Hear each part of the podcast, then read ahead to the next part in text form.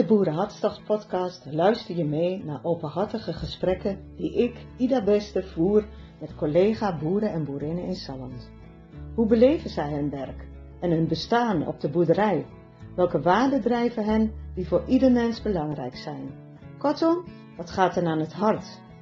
Heb je een tip of wil je zelf een openhartig gesprek? Mail naar info.boerenmens.nl In deze aflevering bezoek ik boerin Helene van Beek. Samen met haar man Wilco boert ze op een pachtboerderij van de stichting IJzerlandschap. Als jonge vrouw trok ze de wijde wereld in en zette ze haar hart open voor mensen uit andere culturen. Het vormde haar tot de verbindende boerin die ze nu is. Nou, ik ben dus Helene van Beek. Ik ben uh, geboren in Olst, in het dorp. Uh, mijn ouders zijn allebei afkomstig van de boerderij. uit Diepenveen, die waren vroeger buurjongen en buurmeisje van elkaar. En ja, eigenlijk in de hele jeugd ehm, ja, hoor je natuurlijk wel verhalen van wat je ouders ook zeiden. over hoe hun jeugd vroeger was op de boerderij. Het, werken op het land, het werken met, met dieren. En vond ik altijd wel leuk om te horen, maar ik had er niet. Ja, het was wel vaak. Ja, ik heb er zelf niet zo'n beeld bij, dus het, het zei je allemaal niet zo heel erg veel. Nee, het was niet jouw wereld waarin je als kind leefde. Nee, nee, ik was daar niet mee bezig. Ik, uh, ja, ik had ook niet echt uh, vriendjes of vriendinnetjes of zo die op een boerderij nee? woonden. Dus uh, in die zin, ik kwam er eigenlijk ook nooit. Ja, net de eerste paar jaar, volgens mij mijn ene opa en oma zijn gestopt met boeren toen ik een jaar of twee, drie was. Dus ik ben toen wel op de boerderij geweest, maar dat zei ja. me natuurlijk niks meer. Nee. Nee, nee dus um, ik ben uh, echt in het dorp in Oost opgegroeid. Uh, ik heb nog een oudere zus en een oudere broer. Oh ja. En uh, uh, ja, daar, daar eigenlijk in het ouderlijk huis van mij, daar wonen mijn ouders nog steeds. Oh. Dus het is een vertrouwde plek ja, in Salland. Ja. ja. En Oost is ook een prachtige plek om te wonen. Ja, ja, met plezier opgegroeid, zeker. Ja. Mooi. Nee, en uh, uh, nou ja, toen ik naar de middelbare school ging, toen uh, kwam ik in een klas bij een paar meiden uit Lettelen. En eigenlijk, ja, toen je een beetje ging stappen, vaak naar Bode op zondag toe, toen ja. leerde ik ook hun vriendinnen uit hun eigen dorp kennen. En daar zaten heel veel boerenmeiden ja? bij. Dus ja. nou, ongeveer de helft van de groep die was wel van het boerenbedrijf afkomstig. Dus nou ja. Ik hoorde laatst mijn moeder nog zeggen, en dat vond ik wel heel grappig om te horen, dat ik dan wel eens thuis kwam uh, uh, na een verjaardag of zo. En uh, dan vroegen mijn ouders van hoe was het? En dat ik dan zei van, ja nou het ging er weer over van, ja mijn vader heeft een nieuwe trekker gekocht en dat naar ik. En ik dacht van, hallo ik ben 16, waar hebben we het over, weet je wel? Ja. En ja, dus dan zie je maar weer hoe het gaat, want inmiddels woon ik dus zelf op een boerenbedrijf. Ja. En dat had ik eigenlijk van mezelf nooit verwacht, ook niet... Nee ja, door de studiekeuze die ik heb gemaakt, lag dat niet echt helemaal in lijn uh, met wie ik toen was. Nee, wat, na, je, na de middelbare school, heb je een, een, wat voor richting heb je toen gekozen dan? Ik heb gekozen voor uh, toerisme en recreatie. Aha. Ja, dus ik, uh, ik ging op kamers, wou ik heel graag. Mijn broer en zus waren ook altijd huis uit. En mijn ouders die zeiden wel van, nou ben je, ben je eigenlijk nog wel jong zat, want ik was nog maar 17. En, oh, okay. ja. Maar ja, goed, uh, dat, dat trok mij toch wel naar de, naar de grote stad, zeg maar. en ja. uh, uh, de opleiding kon in Deventer, maar ik koos voor Breda. Echt ver weg. Ja, ja, wel wat verder weg, maar ik kwam trouw elk weekend met de was ook weer terug in, in Holst. Wat, wat, wat, was het dan? Waarom ging je dan, koos jij voor Breda? Nou, in, de, in Deventer sprak de opleiding mij minder aan dan in Breda. Dat was gewoon, denk ik, een plaatje voor hoe dat weergegeven werd, van hoe de opleiding in elkaar zat. Ja. En um, ja, daarbij zou vast wel iets hebben meegewogen dat ik echt wel graag op KBS wou. Dus ja. Uh, ja, dat was niet nodig als ik in Deventer ging studeren natuurlijk. Nee. Ja, dus uh, naar, de, naar Breda gegaan en uh, ja, toen ontdekte ik echt uh, eigenlijk ook hoe mooi de wereld is buiten Nederland. Ja. Dus toen kreeg ik helemaal de smaak van het reizen wel te pakken. Ja. En ja, dus in de studietijd en ook daarna heb ik wel mooie reizen gemaakt en op een gegeven moment ontmoet ik dan, dan Wilco. Ja. Een boer uit Avelo, dus ja. Wegreizen. Ja, wegreizen, ja. ja.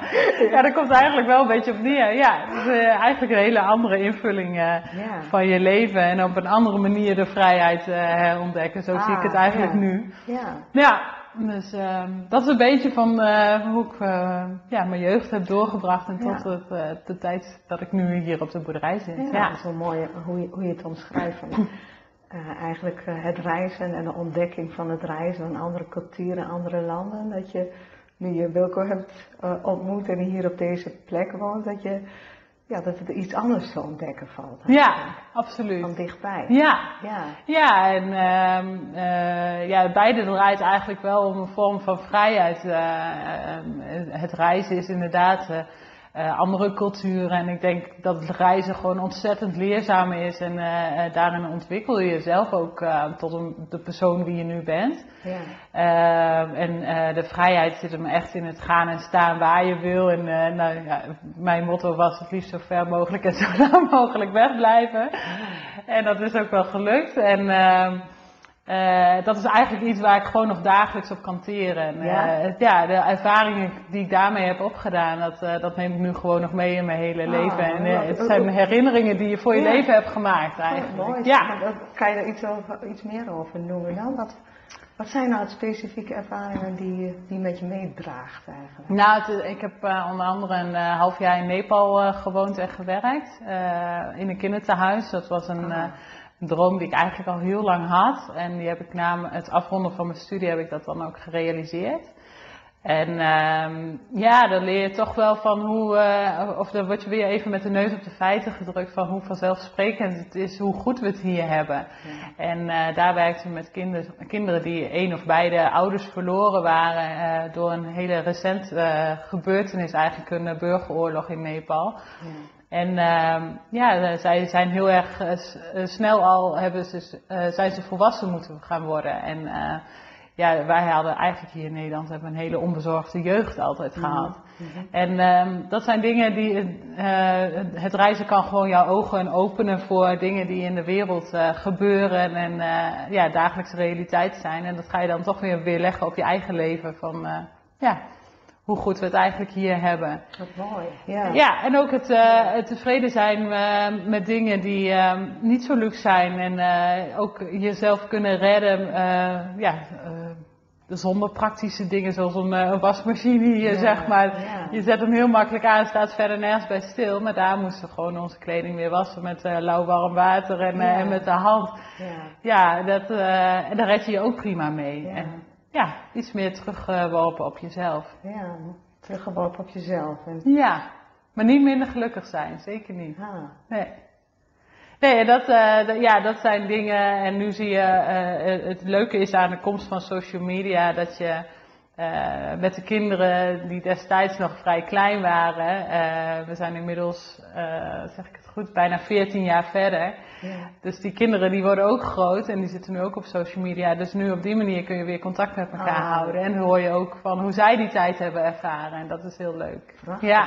dat je het contact ook nog Ja, hebt weten te onderhouden. En dan hebben ze ook iets aan je beleefd wellicht. Ja, nou ja, wij hadden ook wel eh, het, eh, het geluk, zeg maar. Wij waren ook de eerste vrijwilligers daar. Dus het, voor hun was dat natuurlijk ook best bijzonder. Ja.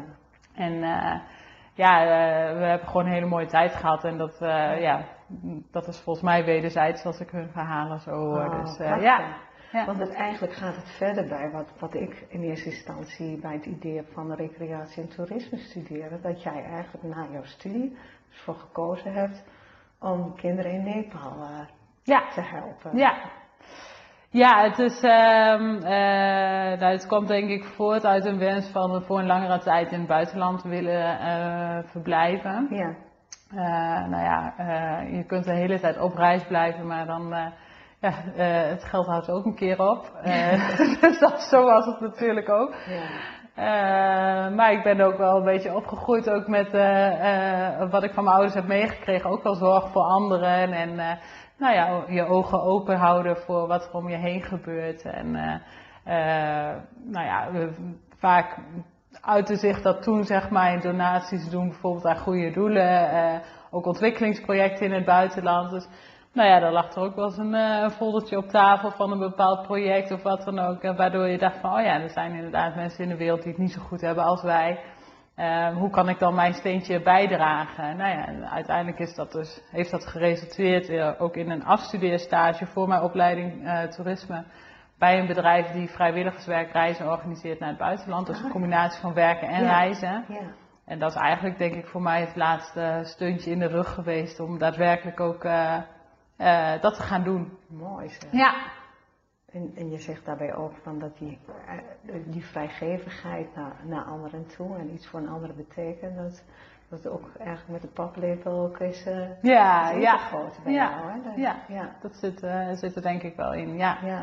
ja, zie ik ook nu wel aan mijn ouders die nu gestopt zijn met werken. Dat die, eh, ja, die doen nog heel veel. Die zijn Ja. eh, misschien nog wel drukker dan voorheen. Maar inderdaad, eh, toch wel een stukje maatschappelijke betrokkenheid. Wat zij ook belangrijk vinden. En dat, eh, dat zal vast ook wel bij mij in de genen zitten door hen. Ja, Ja, ja. ja. Want nou, je, je eindigde eh, hiervoor met dat je, dat je Wilco had ontmoet. Dat, Ja. dat, dat, dat jouw boer is, hè? ja. ja. ja. Want ehm, kan je iets vertellen over, ja, dit, dit is een prachtige boerderij waar, waar, waar we zitten nu. Eh, maar kan je iets beschrijven over hoe jij dan hier eh, op deze boerderij woont en ja, wat, voor, wat voor boerderij het eigenlijk is? Misschien is het goed om daar eerst Ja. even mee te beginnen. Ja. Ja, wij hebben nou ja, nu samen een eh, melkveebedrijf met eh 90 melkkoeien en ongeveer 40 stuks jongvee. Het is echt aan de rand van Diepenveen, dicht bij Klooster Nieuw-Sion. Ehm, eh, het is een pachtbedrijf van Stichting IJssellandschap. Ja, dat is Eh, ook wel bijzonder. Ja, ja, is eh, dus zowel het, het woonhuis als de stallen, met uitzondering van de lichtboxenstal, dat, dat pachten wij, dus huren wij eigenlijk van Stichting IJssellandschap. ja. Wilco is hier zelf in 2003 pas komen wonen. Die eh, heeft eerder met zijn ouders eh, aan de andere kant van Diepenveen tegen Deventer aan ook een eh, pachtbedrijf van IJssellandschap gehad. Mhm. Maar toen uiteindelijk Wilco wel te kennen gaf van dat hij graag boer wou worden, toen zijn ze langzamerhand samen met Stichting IJssellandschap eh, verder gaan kijken naar een andere locatie. Omdat er eigenlijk iets te weinig toekomstperspectief was op de locatie al daar. Oh ja. Eh, heel veel kleine stukken grond in de uiterwaarden, Oh ja, ehm, ja. dicht tegen de spoorlijn aan. Eh, was allemaal eigenlijk, de omstandigheden waren niet ideaal om een toekomstbestendig bedrijf te maken. Ja. Dus nou ja, na wat omwegen kwam uiteindelijk, kwamen ze hier terecht. Ehm, eh, ja, een mooi bedrijf die vrijkwam, ook van Stichting IJssellandschap, met een hele grote huiskavel. Dus alle grond mooi, eh, mooi aaneengesloten. Dus eh, uiteindelijk zijn ze in eh, 2003, eh, toen nog met zijn broer erbij, ook hier naar deze locatie verhuisd. Ja, ja. Ja. En, en, ja, ik kan me daar niet zoveel bij voorstellen, omdat wij niet pachten. Maar wat, wat betekent het eigenlijk dat je als boer dan pacht van zo- zo- zo- zo'n stichting IJssellandschap? Moet je dan ook iets leveren? Wat past bij die gedachte van, van zo'n stichting? Of hoe, hoe werkt het eigenlijk? Eh, ja, exacte ins en outs ken ik niet. Nou, Nee. Een pacht is eigenlijk hetzelfde als een, eh, je betaalt huur voor het eh, gebruik van de gebouwen en de grond van IJssellandschap. Ja. Ehm, de manier waarop je dat doet, dat, daar ben je als onderne agrarisch ondernemer wel vrij in. Ehm, natuurlijk zullen sommige dingen wel wat meer in samenspraak gaan. Ook bijvoorbeeld het gebruik van de gebouwen. Wij mogen niet bijvoorbeeld eh, eh, bij onze karakteristieke kalverschuur iets aanbouwen. Of eh, nou ja, een aantal jaren terug hebben wij hier het huis van binnen verbouwd. Ja. Dat gaat wel in samenspraak met de stichting, Ja. maar die zijn heel erg bereidwillig in het meedenken. Ja. En eh, eigenlijk eh, zien we dat alleen maar als positief. Eh, stichting IJssellandschap die heeft echt, ziet het belang in van een volgende generatie jonge boeren.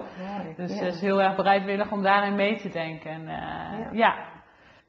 Het, is, eh, het mooie eigenlijk aan, aan ons pachtbedrijf is wel dat ehm, eh, wij dusdanig pacht hebben dat stel dat hier ooit een opvolger is eh, vanuit ons eigen gezin, Ja. dan is die de eerste belanghebbende bij deze boerderij. Dus in die zin is het voor ons voor de toekomst een heel stuk zekerheid dat we hebben. Fijn. Ja. Ja, dat is zeker wat waard. Ja, Ja. echt wel. Ja. Ja. Ja, en ik ben zelf hier dan ehm, ruim tien jaar geleden eh, komen wonen dan eh, op de boerderij. Hiervoor woonde ik eh, in Deventer, Antikraak, in, uh, in de Rivierenwijk. Ja, ja? ja het moest goedkoop zijn. Uh, ik had inmiddels wel een baan ook in het toerisme. Uh, maar ja, ik wou eigenlijk nog wat doorsparen. En die reis in, naar Nepal heeft natuurlijk ook wel wat gekost. Ja. Dus ik ben low budget gaan wonen en heb me daar prima vermaakt. ik denk dat ik ongeveer 2,5 jaar daar heb gewoond. En, toen besloten mijn schoonouders om te gaan verhuizen van de boerderij naar het dorp in Diepeveen. En ja, toen kwam eigenlijk het plekje voor mij vrij hier. Ja. ja. hoe was dat zo? Dan woon je anti-kraak en dan kom je als meisje van de stad eigenlijk toen. kom je hier op, ja. op, die boerderij waar eerst nog jouw schoonouders hebben gewoond. Dus ja, dat was de plek ook van van Wilco en, uh, en, zijn broer en schoonouders. Ja. Hoe is dat dan om dan zo in één keer hier uh, de plek ook te, te betreden? Ja. Nou, ik moet eerst zeggen van, uh, je zat natuurlijk toen in zo'n fase dat, nou ja, alle vriendinnen zo gingen ook samenwonen. En die zochten allemaal met hun vriend een, een mooi huis. En dat had me best wel wat geleken om samen iets uit te zoeken. Aan de andere kant uh, was ook gewoon van het begin af aan al duidelijk van ja, dat, dat is bij ons niet nodig. Uh, er is al een, eh, een mooie plek. Uh, ik moet zeggen dat ik uh, heel erg blij ben met het huis. Dus ik vind het gewoon eigenlijk zelf nog steeds een plaatje om te zien. Ja, dus dat maakt het al heel makkelijk om ergens te gaan wonen. En ik heb daar verder zelf eigenlijk ook niet heel veel moeite mee gehad. Ik heb het ook niet lang gezien als de plek van Wilco's ouders of, nee. of wat dan ook. We hebben vrij gauw het huis uh, qua interieur eigen gemaakt. Ja. En uh, ja, die zin uh, een kleurtje op de muur en eigen een nieuwe bankstel en alles. Dat, dat doet al gauw wonderen om. ja, ik denk dat ik, ik ben ook wel een type die zich best makkelijk ergens, ergens thuis kan voelen. Mooi. Dat is, dat is zeker ook zo gelukt, ja. Ja, mooi zo. Ja, je, je, je kan haast uitkijken op, uh, op Klooster Sion hier, of niet? Ja, klopt. Ja, wij hebben eigenlijk best bijzondere buurt. Dus uh, we behoren tot de buurt van Klooster Sion. Ja. Ehm, Klooster Nieuw Sion heet het tegenwoordig trouwens. In, op eind 2015 zijn de monniken die nog woonachtig waren in het klooster zijn vertrokken naar Schiermonnikoog. Ja. En ehm, tot 2013 uh, eh, geloof ik, heeft ook nog een, een boer echt geboerd binnen de muren van klooster uh, die is eerder gestopt daar. Ehm, met het vertrek van de monniken kwam zowel de landbouwgrond behorende bij het klooster als het klooster zelf en de bijgebouwen en dergelijke kwam allemaal te koop te staan. Ja. En uh, IJslandschap heeft ons eigenlijk heel erg goed ondersteund ook in, ehm, in de aankoop van, uh, van grond rondom uh, het klooster. En, uh, ja, ze zeggen wel eens, de grond van de buren komt maar één keer voorbij, dus die kans moet je grijpen. En dat, dat wilden we ook wel heel graag. Ja. Ehm, dus we hebben samen met ehm, vier omliggende boeren, dus eigenlijk allemaal vrij jonge boeren die nog een heel boerenbestaan voor zich hebben liggen. Ja. samen met Stichting IJslandschap de kans gehad om uh, ja, een pachtconstructie of een koopconstructie te kunnen realiseren. Eh, maar dat kon alleen om, op voorwaarde dat er ook een partij werd gevonden die het klooster wou, zou willen aankopen. Dus je kon ah, niet alleen yeah. op grond bieden of wat dan ook. Yeah. Stichting IJslandschap die heeft daar het voortouw in genomen en die heeft een partij gevonden, wat nu dan het klooster Nieuw Sion is, die, die het klooster heeft gekocht en een nieuwe bestemming heeft gegeven. Waardoor wij aanspraak konden maken op de 40 hectare grond die om het klooster ligt. Zo. we hebben uh, onze huiskavel in die zin dus uh, mooi kunnen vergroten. zeker niet met 40 hectare, dat werd over vier boeren verdeeld. Mooi, ja. Ja, en dus um, hebben we een heel mooi, ja, een mooi stuk grond om ons boerenbedrijf erbij te kunnen pachten. Prachtig. Ja. Mooi. Ja, zeker. En dat wel heel waardevol dat uh, Stichting IJslandschap ook het belang van onze jonge boeren, zeg maar onze generatie, inzag. En uh, het belangrijk vond om uh, daarin mee te werken, om, om de kans groter te maken. En om die grond ook tot ons zelf toe te rekenen, ja. zeg maar. Ik vind het trouwens ook wel bijzonder dat je dan op grond boert wat, wat vroeger bewerkt is door ook wel door, door monniken, denk ik, maar waar ook echt een geschiedenis op, ja, op ja dat, grond echt, ligt. hè? eh, dat echt de monniken het boerenbedrijf in bezit hadden, dat is, eh, ligt al veel eh, verder in het verleden terug. Dus de ja, laatste nou, tientallen jaren zat er een externe bedrijfsleider zeg maar op, zo moet je het eigenlijk zien. Ja. Maar ja, het blijft altijd een heel bijzonder plekje als we bij ons jongvee altijd bij het klooster lopen. Dus echt naast, de, naast de grote kerk. En het Ja. is echt een eh, plekje rust. Als je hier eh, bij ons voor het huis in het weiland loopt, dan hoor je altijd toch weer de weg. Maar op het moment dat je bij Sion loopt, dan is het echt eh, ja, volledige stilte en rust. Ja. En dat heeft best wel iets magisch eigenlijk. Ja? Ja, ik vind het altijd heel mooi. Mooi zo. Ja. Want wat is dan het magische? Ja, je weet gewoon, een klooster is altijd een imposant gebouw. Je weet dat er bepaalde eh, rust en bezinning natuurlijk heerst. Ook Ja. als je, ja, wij hebben als buur ook eh, daar eh, in het verleden ook al wel door de gangen mogen lopen. Het is ook altijd in stilte en dat, eh, dat maakt toch best wel indruk. Ja. En ehm, ja, dat is mooi als je, als je daar je vee hebt lopen. Dat is eigenlijk hoe het daar ook al misschien al wel honderden jaren is gegaan. En Ja. dat, ja, dat wordt nu nog steeds wel voortgezet. Ook het, het kloosterleven, maar wel op een andere manier. Voel je dan ook eigenlijk een bepaalde verbinding met, met vroeger nog? Als je dan, als je het hebt over dat magische? Eh, nou, niet, niet concreet, maar meer het eh, bewust worden van, oh ja, hier lijkt het wel een beetje dat de tijd wel eens heeft stilgestaan. Ondanks dat eh, Ja. Ehm, eh, daar ook gewoon door de jaren heen heel veel is veranderd. Helemaal dus na het vertrek van de monniken. Maar ehm, eh, het heeft wel nog steeds als doel om ja, even weer tot jezelf te komen daar. En ehm, eh, dat, dat ervaar je gewoon eigenlijk aan de hele plek, vind ik altijd. Ja, eh, en dat is eigenlijk denk ik het voornaamste, is de rust eigenlijk die je daar een beetje over je heen krijgt. En, eh, ja, Ah, het is mooi mooi als je dan naar je eigen Ja. koeien kijkt. Dan, eh, ja, het is gewoon een mooi plaatje. Ja, prachtig. Ja. Mooi. Dat lijkt mij ook, lijkt me ook iets vredigs hebben of zo. Ja. Ja, heeft het ook. Ja. Absoluut. Ja. ja, het leuke is dat we nu gewoon ook contact, goed contact ook hebben met eh, de partij die nu zeg maar op het klooster zit. eh, dus het eh, bestuur van klooster Nieuw Sion. En zo hebben we onder andere ook voor Sallandboert en Ebenrust al wel een keer wat met hen gedaan. een mooie wandeltocht langs boerenbedrijven hier in Avelo en om Avelo Diepveen omgeving hebben kunnen doen. Wat onder meer ook over het terrein van Nieuw Sion ging. En, Ja. zo weten we elkaar ook steeds beter als buren weer te vinden. wat ook voor het klooster een stukje openheid en transparantie eigenlijk geven is. Dat is voor onze boerenbedrijven net zo. Mooi. Eh, ben je dan van meet af aan ook, ook eh, mee gaan helpen op die boerderij? Of wat, wat, wat- hoe deed je dat in het begin? Had je dan nog een baan elders? Ja, ik werkte eerst eh, fulltime in de reisbranche. En, eh, Fulltime? ja, ja, en eh, het begon een beetje toen, eh, toen Wilco hier nog met zijn ouders woonde. Toen had ik al wel zoiets van, nou ja, ik ken dat boerenleven inderdaad niet zo. Ik zou het wel leuk vinden als ik een eigen klusje of een eigen taak heb op het Ja. bedrijf. Ja. En eh, toen zijn we eigenlijk gestart met eh, eens in de vier weken samen melkmonsteren. dus dat, dat begon ik op vrijdagochtend bij mijn werkgever een uurtje eerder, zodat ik een uurtje eerder naar huis kon.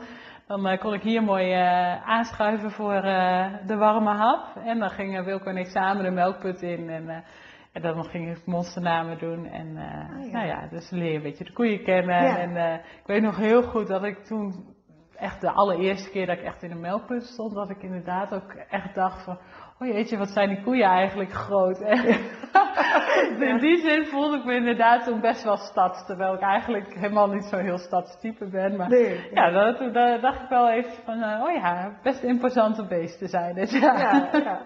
Ja, dus daar is het een beetje mee begonnen. En ehm, eh, in 2013, eh, in september, is mijn werkgever is failliet gegaan.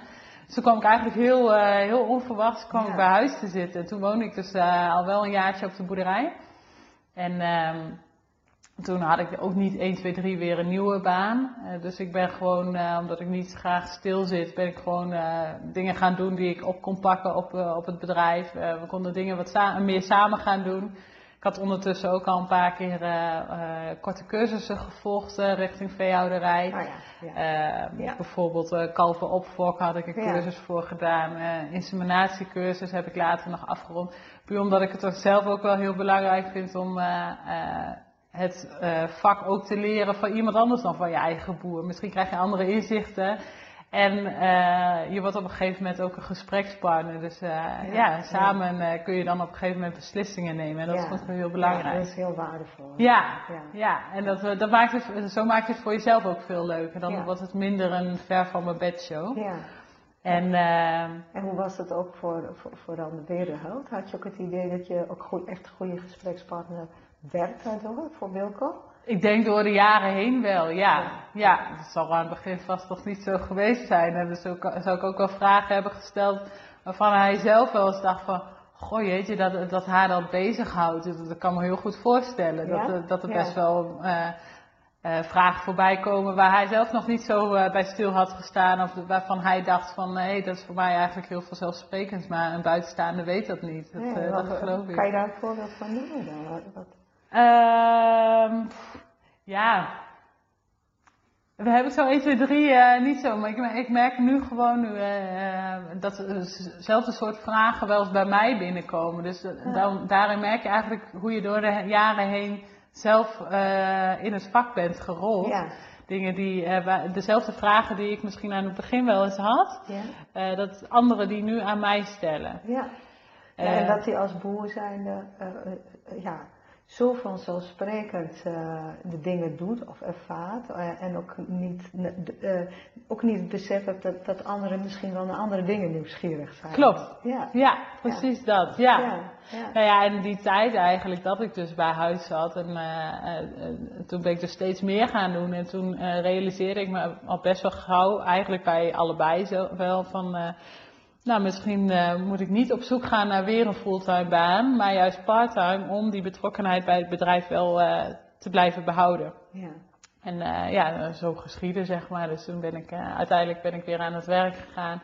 Een totaal andere branche dan dat ik voorheen deed. Ja. Ik ben de keukenwereld ingegaan. ja, ja, ik was ineens keukenverkoopster. dus ook weer iets heel anders. Ja. Maar je bent wel voor alle markten thuis in. Nou, ik kwam toen ook heel gauw tot de conclusie dat dat niet oh. mijn wereldje was. Maar dat, ja. dat, zo zie je maar weer door iets aan te pakken leer je wel van wat bij jou past en Ja, wat niet. En ook daar heb ik heel veel dingen wel weer geleerd, die altijd wel weer van belang kunnen zijn voor vervolgstappen in je Mooi, leven. Ja. En uh, nou ja, vanuit daar ben ik uiteindelijk weer bij de ANWB bezig, uh, terechtgekomen. En heb ik in de, in de winkel gewerkt. En ja, toen dacht ik van ja, het is ook wel echt heel leuk om gewoon met, met de klanten echt in contact te staan. Ja. En ja, uh, daarop volgde uiteindelijk weer een baan uh, dat ik op kantoor zat weer. Maar uh, was ik, ik werkte bij, bij een ontwerpstudio voor geboortekaartjes, trouwkaartjes, zulke soort dingen. Leuk. En eigenlijk al die dingen die je hebt geleerd in je werkzame leven, die kun je um, op een later moment komen die wel weer ergens terug. Dat merk ik nu gewoon bij mijn huidige functie naast ons eigen bedrijf dat ik uh, ja, overal wel wat vandaan heb uh, gehaald wat Mooi, ik nu weer in kan Ja. zetten. Ja. En ook in relatie tot, tot deze boerderij, of je- voor jezelf noem je het, maar ook, ook in relatie tot, tot je huidige werk nu op de, op de boerderij Ja, en voor zeker. Salonboerder Eetbewust? Ja, Ja. ja ik, ehm, eh, we zijn eigenlijk eh, ruim een half jaar terug zijn we gestart met de verkoop van rauwe melk op ons eigen bedrijf. Dus onbewerkte melk wat rechtstreeks van de koe komt, die kun je nu bij ons eh, uit een zelfbedieningsautomaat eh, kopen. De melktap. En eh, ja, dat is wel echt op initiatief van mij geweest. Ik denk Ja. als ik niet, niet hier had gewoond, had dat ding hier ook niet gestaan. Nee. Ik krijg wel alle support van Wilco daarvoor. Ja, en ik merk ja. gewoon ook dat hij dat ook heel leuk vindt. Maar het is niet iets wat je er als boer zijn eh, zomaar eventjes bij naast doet. En, eh, en je moet er wel voor openstaan. Want ineens heb je mensen om je deur over je erf eh, lopen. Ja. En dat zijn we eigenlijk Ja. nooit gewend geweest. Ja. Wat, wat, wat, wat was dan de, een diepere motivatie om dat te starten dan hier?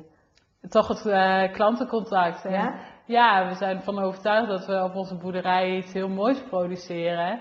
En het wordt één keer in de drie dagen wordt het door dus een grote zuivelcoöperatie wordt het opgehaald. En je hoort er eigenlijk nooit meer wat van. Ja. En eh, ja, je- echt een reactie op je eh, product dat je aflevert, krijg je op die manier niet.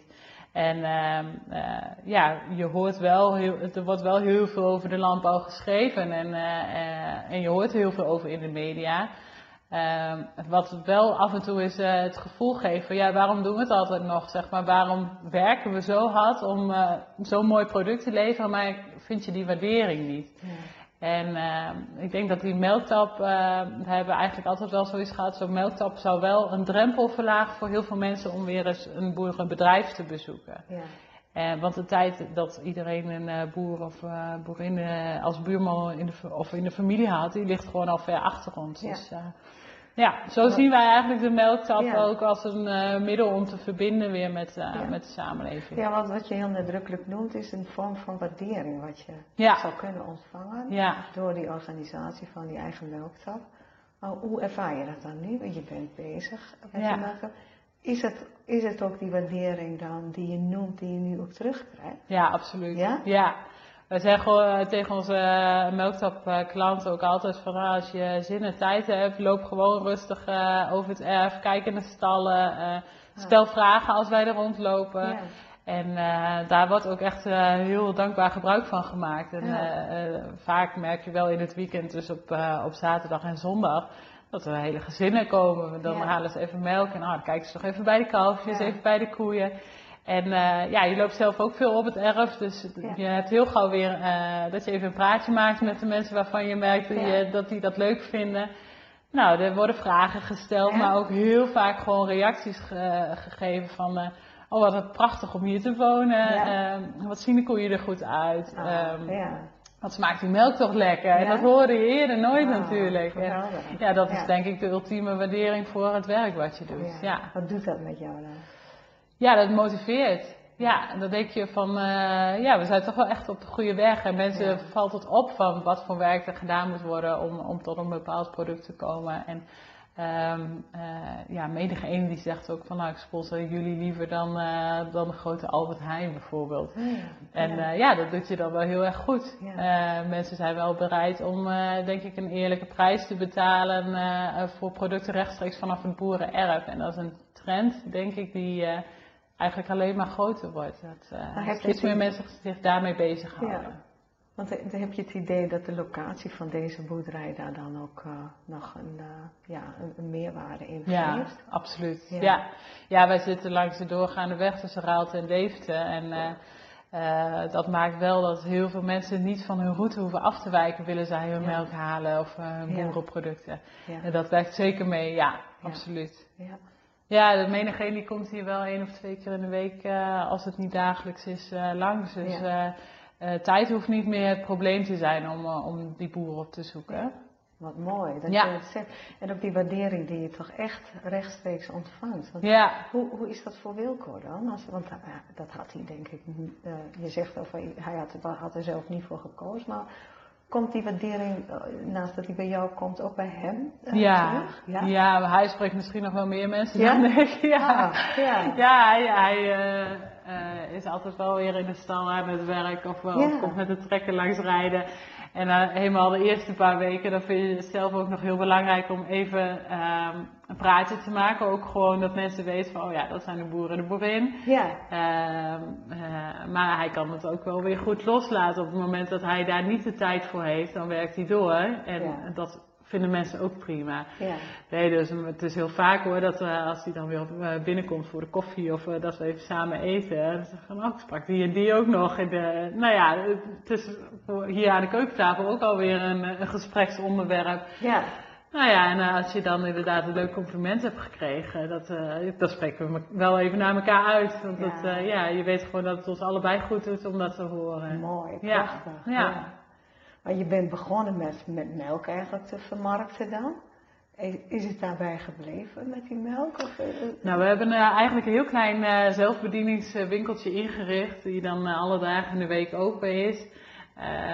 Ik vind eigenlijk zelf altijd alles leuk, dus als het aan ligt, dan stouwen we het hele winkeltje vol. Maar ik realiseer me ook wel, het blijft zelfbediening, dus we moeten daar ook niet al te veel risico in lopen.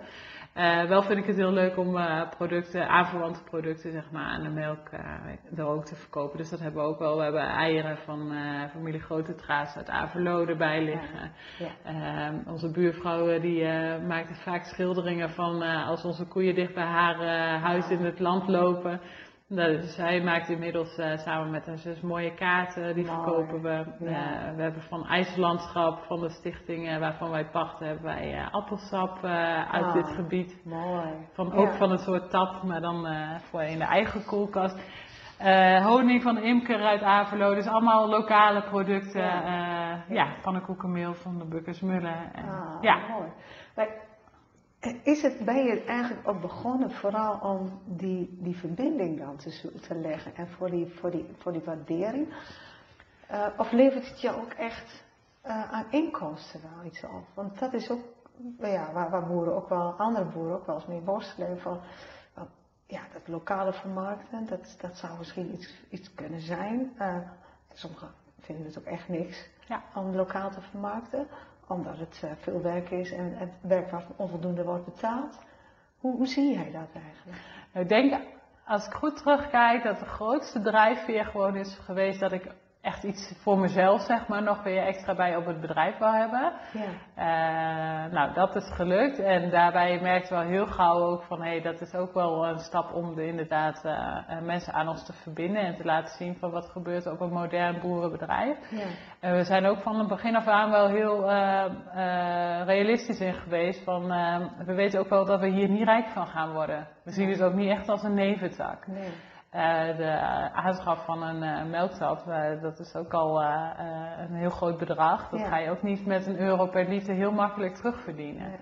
Ehm, eh, in die zin doen we dus inderdaad meer om eh, waardering te hebben voor een langere termijn, waarbij je eh, door je verhaal te vertellen, ehm, geloven wij erin dat wij ehm, voor langere tijd waardering krijgen, waardoor we ook ons vak kunnen blijven uitoefenen. Aha, Want dat is denk ik ehm, de belangrijkste reden Ja. eh, waarom we dit doen. En het is leuk, we le- het levert ons meer op dan dezelfde liter naar de melkfabriek eh, brengen. Ja, Ehm, maar dat gaat om massa en eh, eh, het gaat nooit gebeuren zeg maar, dat we de, de liters volledig, die hier op dit bedrijf worden geproduceerd, dat we die via de melktap Nee. kunnen verkopen. Nee. Dat gaat nooit lukken. nee.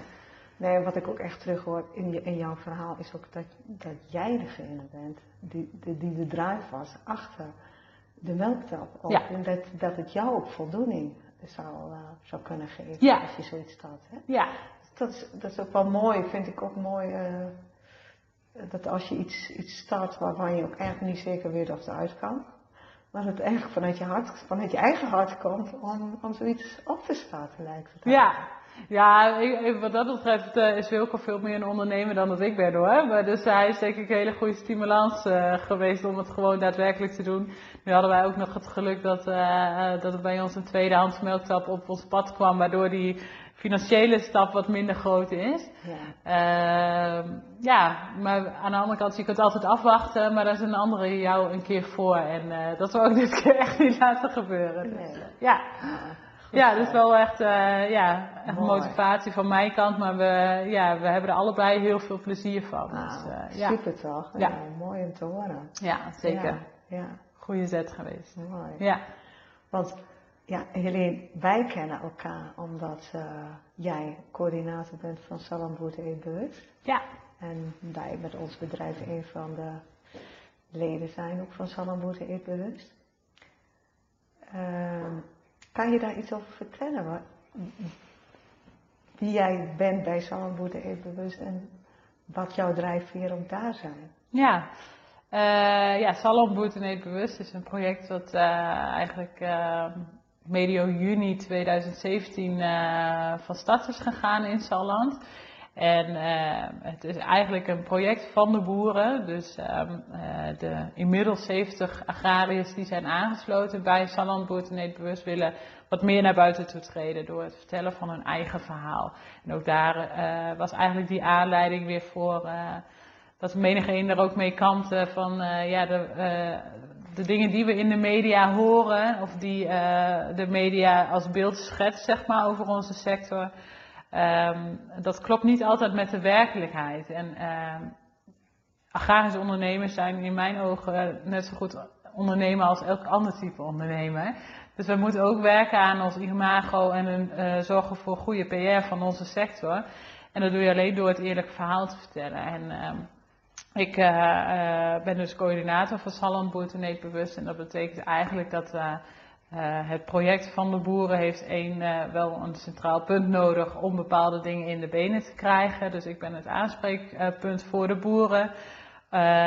maar ook de schakel tussen het bestuur en de boeren, maar ook tussen partners en de boeren. Dus gezamenlijk proberen we um, wat meer transparantie te geven van de sector en specifiek in dit geval in Salland. Ja. Ja. En, en levert het dat ook op eigenlijk? Ook dat is uh, vaak niet meetbaar.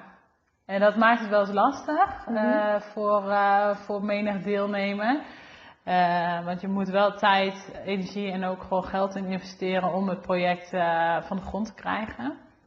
En uh, dat maakt het wel eens lastig, want je krijgt gauw de vraag van ja, wat levert het me concreet op? Nou, vaak is dat niks. en dat, ehm, dat is eigenlijk een knop die je voor jezelf moet omzetten. Ja? Ja, dat denk ik wel, dat het voor menig één geldt. Hm. Aan de andere kant, een ander bedrijf heeft ook een marketingbudget. Dus je investeert een deel van jouw budget om reclame te maken. En eigenlijk in mijn ogen is dit niks anders.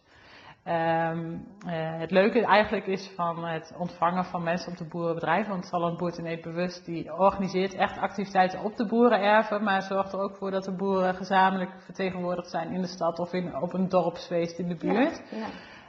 Um, door daaraan deel te nemen als boer moet je soms best wel even een, een uh, drempeltje over. Um, want je gaat ineens ergens staan, misschien buiten uh, wat voor jou comfortabel voelt. Je moet met mensen in gesprek gaan.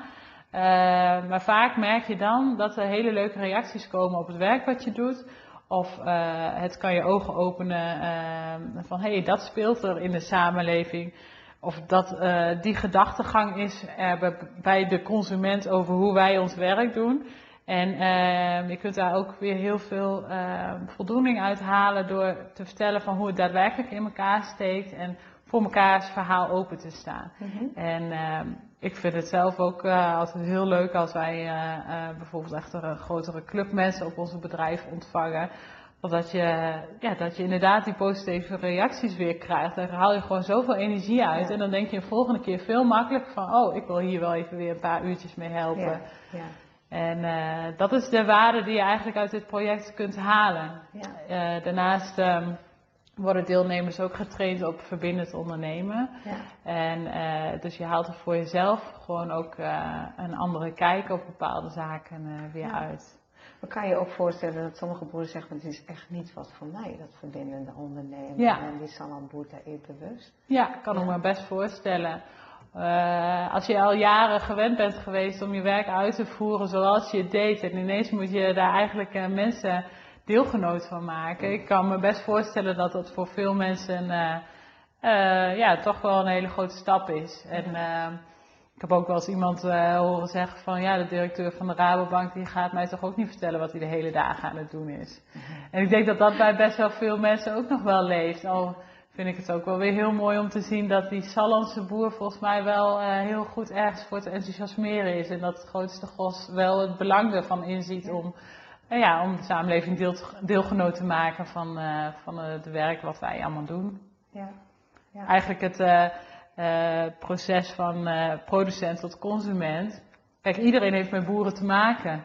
Ja. En dan is het best leuk om juist mensen te kunnen vertellen van nou hoe komt dat mooie product nou precies tot stand? Wat komt er allemaal bij kijken? Ja. Het is het vertellen van het verhaal achter ons voedsel en we maken allemaal uh, dagelijks gebruik van uh, wat er op de boerenbedrijven uh, geproduceerd wordt. Wat, wat, denk, wat vind jij nou het meest kernachtige van dat verhaal dan? Wat, wat zou jij als coördinator, maar misschien wel vooral als boerin, welke boerenwaarden zou je eigenlijk wat het meest uit willen dragen? Wat is nou het meest kenachtige? Um, het, het, eerlijke verhaal vertellen uh, is heel belangrijk. Want er wordt niet zomaar wat gedaan op, uh, op de boerenbedrijven. En die, dat beeld wordt soms wel eens een beetje zo uh, geschetst. Hebben heel veel boeren het idee, wij zelf ook wel eens hoor. Ehm, maar als boer zijnde ben jij eigenlijk zelf de ambassadeur van jouw sector. En dat moet je uitdragen. En wat is dan precies eerlijk? Nou, gewoon vertellen van wat jij doet en waarom je bepaalde keuzes maakt. En daar hangt geen goed of fout aan. Door juist te laten zien van wat, jij, uh, wat je doet op je bedrijf. Uh, daarom zeggen wij ook bij de, uh, de klanten bij onze melktap. Kom maar gewoon kijken, ervaar zelf wat je ziet en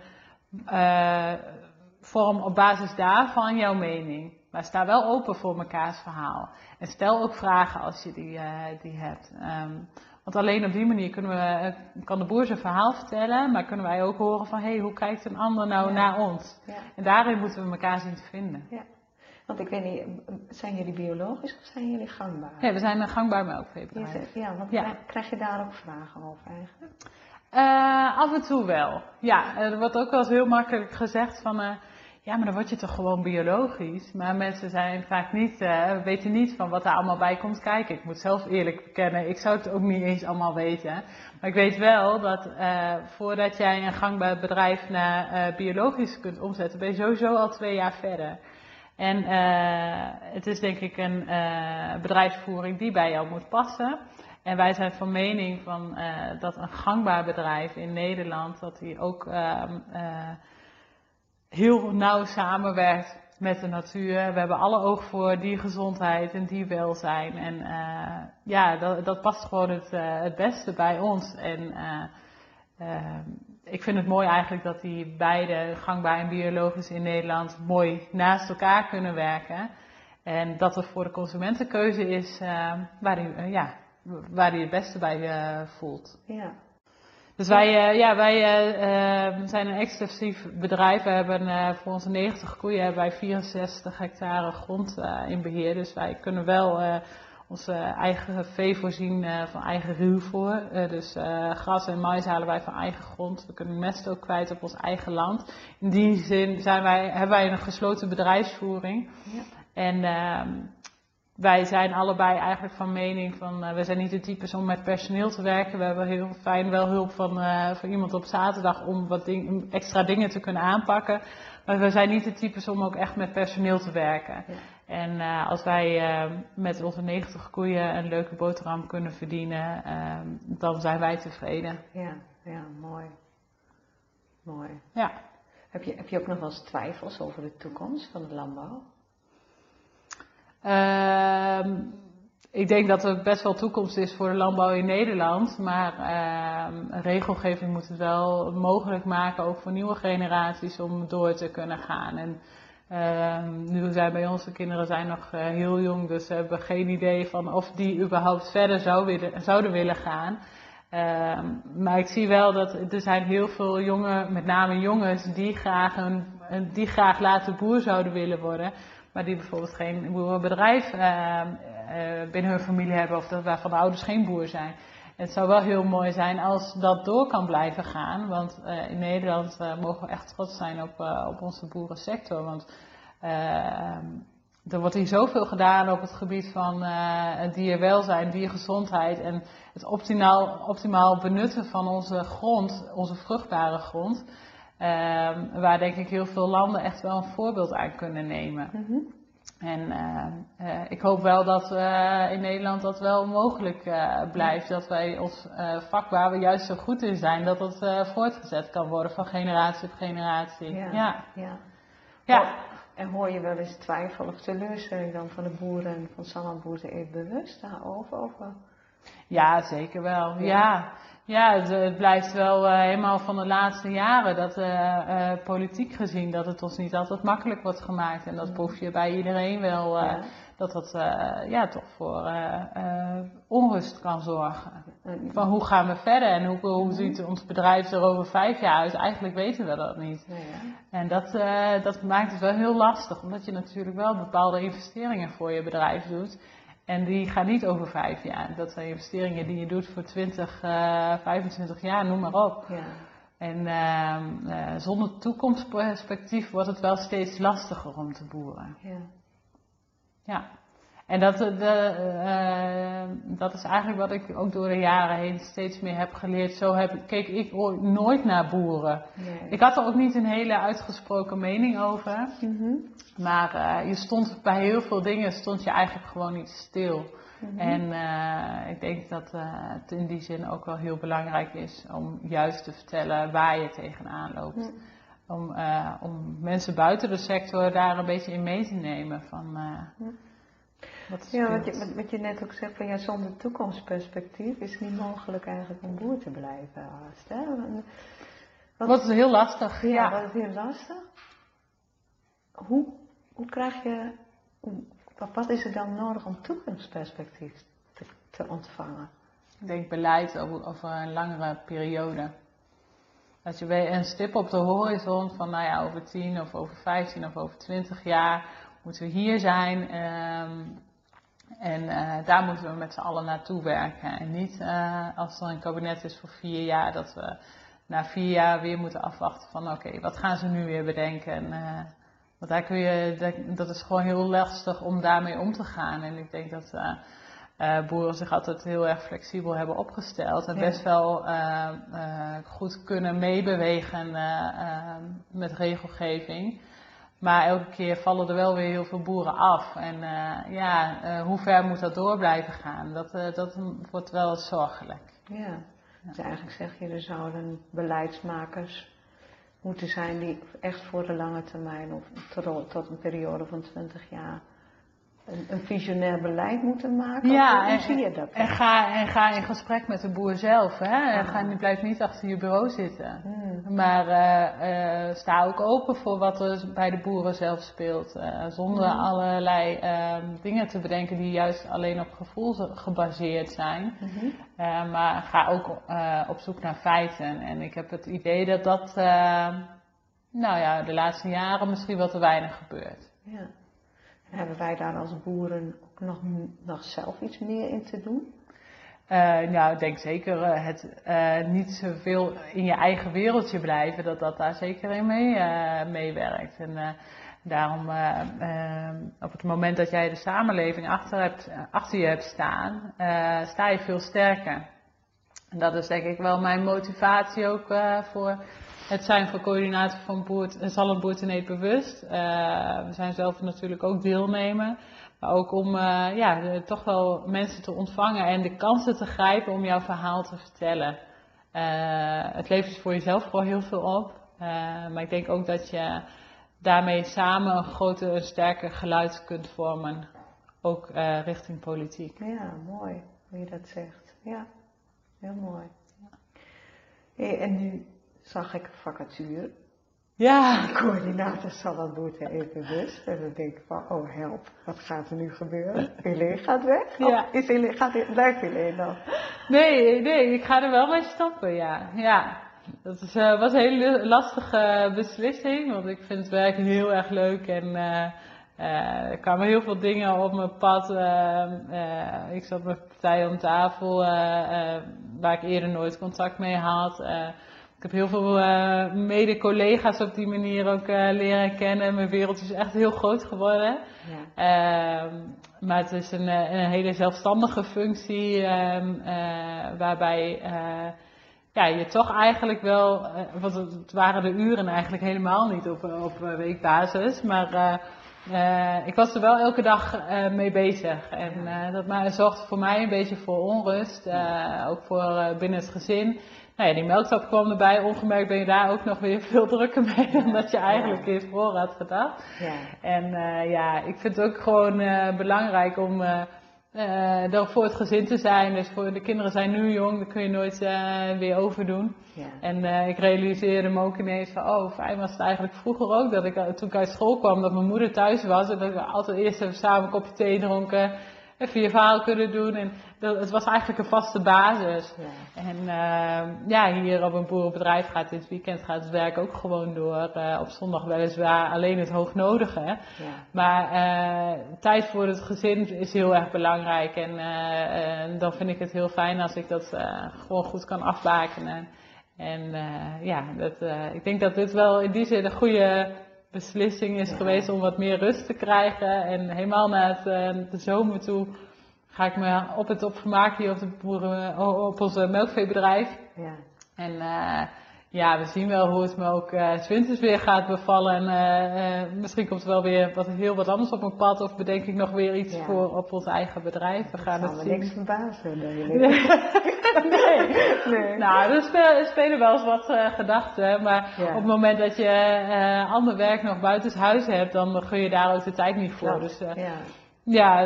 Uh, ik denk dat het, uh, dat het best wel weer ook weer nieuwe dingen en nieuwe deuren kan openen. Ja, hè? ja, ja en gewoon uh, meer betrokkenheid ook weer bij ons eigen bedrijf. Want op het moment dat je met jongere kinderen zit, dan heb je ook heel veel werkzaamheden weer moeten laten vallen natuurlijk de afgelopen jaren. Waar je gewoon nog niet de tijd meer voor had.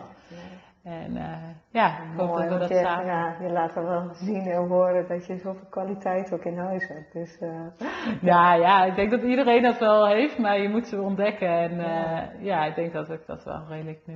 mooi dat je het zegt. Iedereen heeft kwaliteit, alleen je moet ze ontdekken. Ja. Ja. Ja, en bij mij, ik ben daar denk ik achter gekomen door heel veel verschillende soorten banen ook aan te grijpen. En ja, dan, door dingen te doen leer je gewoon heel veel, ook over jezelf. En, ja, ja, mooi. Ja. Hey, en, en, heb je nog een bepaalde boodschap richting die boeren in Salland, die uh, toch wel wat onzekere tijden ook meemaken en ook wat onzekerheden, twijfels soms hebben naar de toekomst toe? Uh, ja, boodschap uh, vind ik lastig, maar uh, probeer te blijven inzien van uh, wat voor mooi bedrijf je hebt en wat je allemaal doet om toch jouw steentje bij te dragen aan de hele voedingsmiddelenindustrie eigenlijk. Het klinkt, klinkt heel zwaar, maar jij staat wel als boer zijnde aan de basis en ehm, dat is heel mooi en wees daar ook trots op. En dat mag best wel uitgedragen worden. Uh, in eerste instantie uh, zijn we misschien als boeren niet zo gauw geneigd om dat te gaan doen. We zijn niet zo'n heel trots volkje. Mm -hmm. Maar het is wel ontzettend bewonderenswaardig eigenlijk wat jij met je vee zeg maar kunt creëren om ja, toch iets mo een mooi product af te leveren. En ehm, door daar wat meer over te vertellen en andere mensen ook bij te betrekken, zul je gewoon merken dat dat voor je eigen beleving en motivatie, dat het gewoon weer heel veel op kan leveren. Oh, mooi. Ja. ja. Mooi. En dat, we, dat je daar ook echt niet in alleen staat. Want het is juist mooi, ook door Salon en Epibus, dat je ziet van je bent eigenlijk samen een club die, het eigen, die hetzelfde doel voor ogen hebben.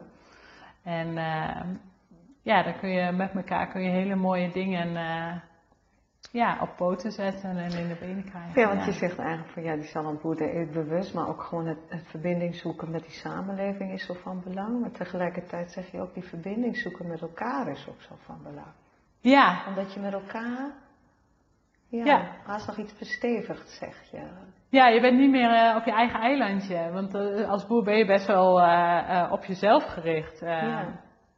Ja, ja, het is jouw bedrijf en je, je hebt geen collega's over het algemeen. Dus ja, de, je bent heel veel op jezelf. Maar het is ook leuk en, en dat zie je ook wel aan de meeste boeren hebben een studieclub. Dat heeft ook als doel natuurlijk om met elkaar te sparren over jouw bedrijf, over nou ja, hoe, hoe, ga je in bepaalde situaties handelen? je nodigt af en toe eens een spreker uit om eens te kijken van, nou ja, hoe kunnen bepaalde dingen misschien toch anders? Of, nou ja, zo leer je ook heel veel van je collega's. En, ja. en dat is, geldt voor een boerenbedrijf, maar dat geldt ook voor een ander bedrijf. maar door wel het contact met elkaar op te zoeken, verrijk je je eigen leven en je werkzaamheden leven, denk ik ook, ja. Mooi. Ja. Dus je verrijkt je leven en je ja. samenleven. Ja. ja, denk het wel, ja. En daar, dat heb je zelf in de handen. Ja, mooi. Ja. Dat is een mooie boodschap. Ja, ik, ja. Uh, zo zie ik het in ieder geval, ja. Ja, ja. mooi. En dat is net zoals eigenlijk uh, wat ik zei aan het begin van uh, met het reizen, dat dat je leven kan verrijken. En de vrijheid die je dan ervaart, die ervaar je hier ook wel weer op een boerenbedrijf door lekker buitenaf te wonen. Met de dieren, in de natuur. Dat is een hele andere vorm van vrijheid, maar wat wel uh, een hele waardevolle bijdrage heeft aan hoe jij in je vel zit, zeg maar, of, je, of je gelukkig bent. Ja. En ehm, dat geluk heb ik nu op de boerenbedrijf eh, Ja. gevonden, ja. En dat lijntje met die Nepalese kinderen, die inmiddels volwassenen zijn geworden. Wat doet dat nu nog met jou? Je bent nu boerin. Hoe, hoe, hoe denk je, ja, heb je dan toch nog op een of andere manier daar ook nog iets waardevols? Haal je daar nog iets waardevols uit? Of wil je daar nog iets waardevols in geven?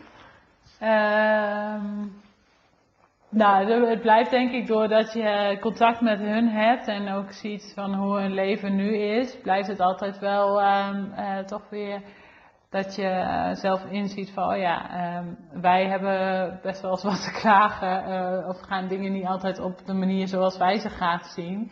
Maar dat geldt voor andere mensen in een andere situatie eh, natuurlijk ook. En je gaat dingen wel weer in perspectief zetten. En ehm, eh, in die zin vind ik het ook heel fijn om te horen en te zien eigenlijk op afstand hoe eh, die kinderen, hoe zwaar hun jeugd ook is geweest, hoe zij nu zeg maar volwassen worden en echt wel eh, nou, hun leven echt wel goed op hun rit hebben en eh, een goede opleiding doen en alles. En dat vind ik gewoon hartstikke mooi om te zien. En ik hoop ook dat ik mijn kinderen dat wel mee kan geven. En ik hoop ook eigenlijk ook heel erg dat zij later zelf ook die stap gaan nemen. Ga maar op reis en zet je ogen en je hart open voor de wereld om je heen. Want je haalt daar zoveel uit. En eh, heb je de rest van je leven heb je daar alleen maar profijt van. Dus eh, ik hoop ook eigenlijk. eh, ik ben heel blij dat ik die mooie reizen heb gemaakt. Ehm, nou ja, wat ik zei, daar heb ik nu gewoon elke dag nog plezier van. Ja. Maar ik hoop ook dat op het moment als wij zelf wat rustiger aan kunnen doen over eh 30, 40 jaar,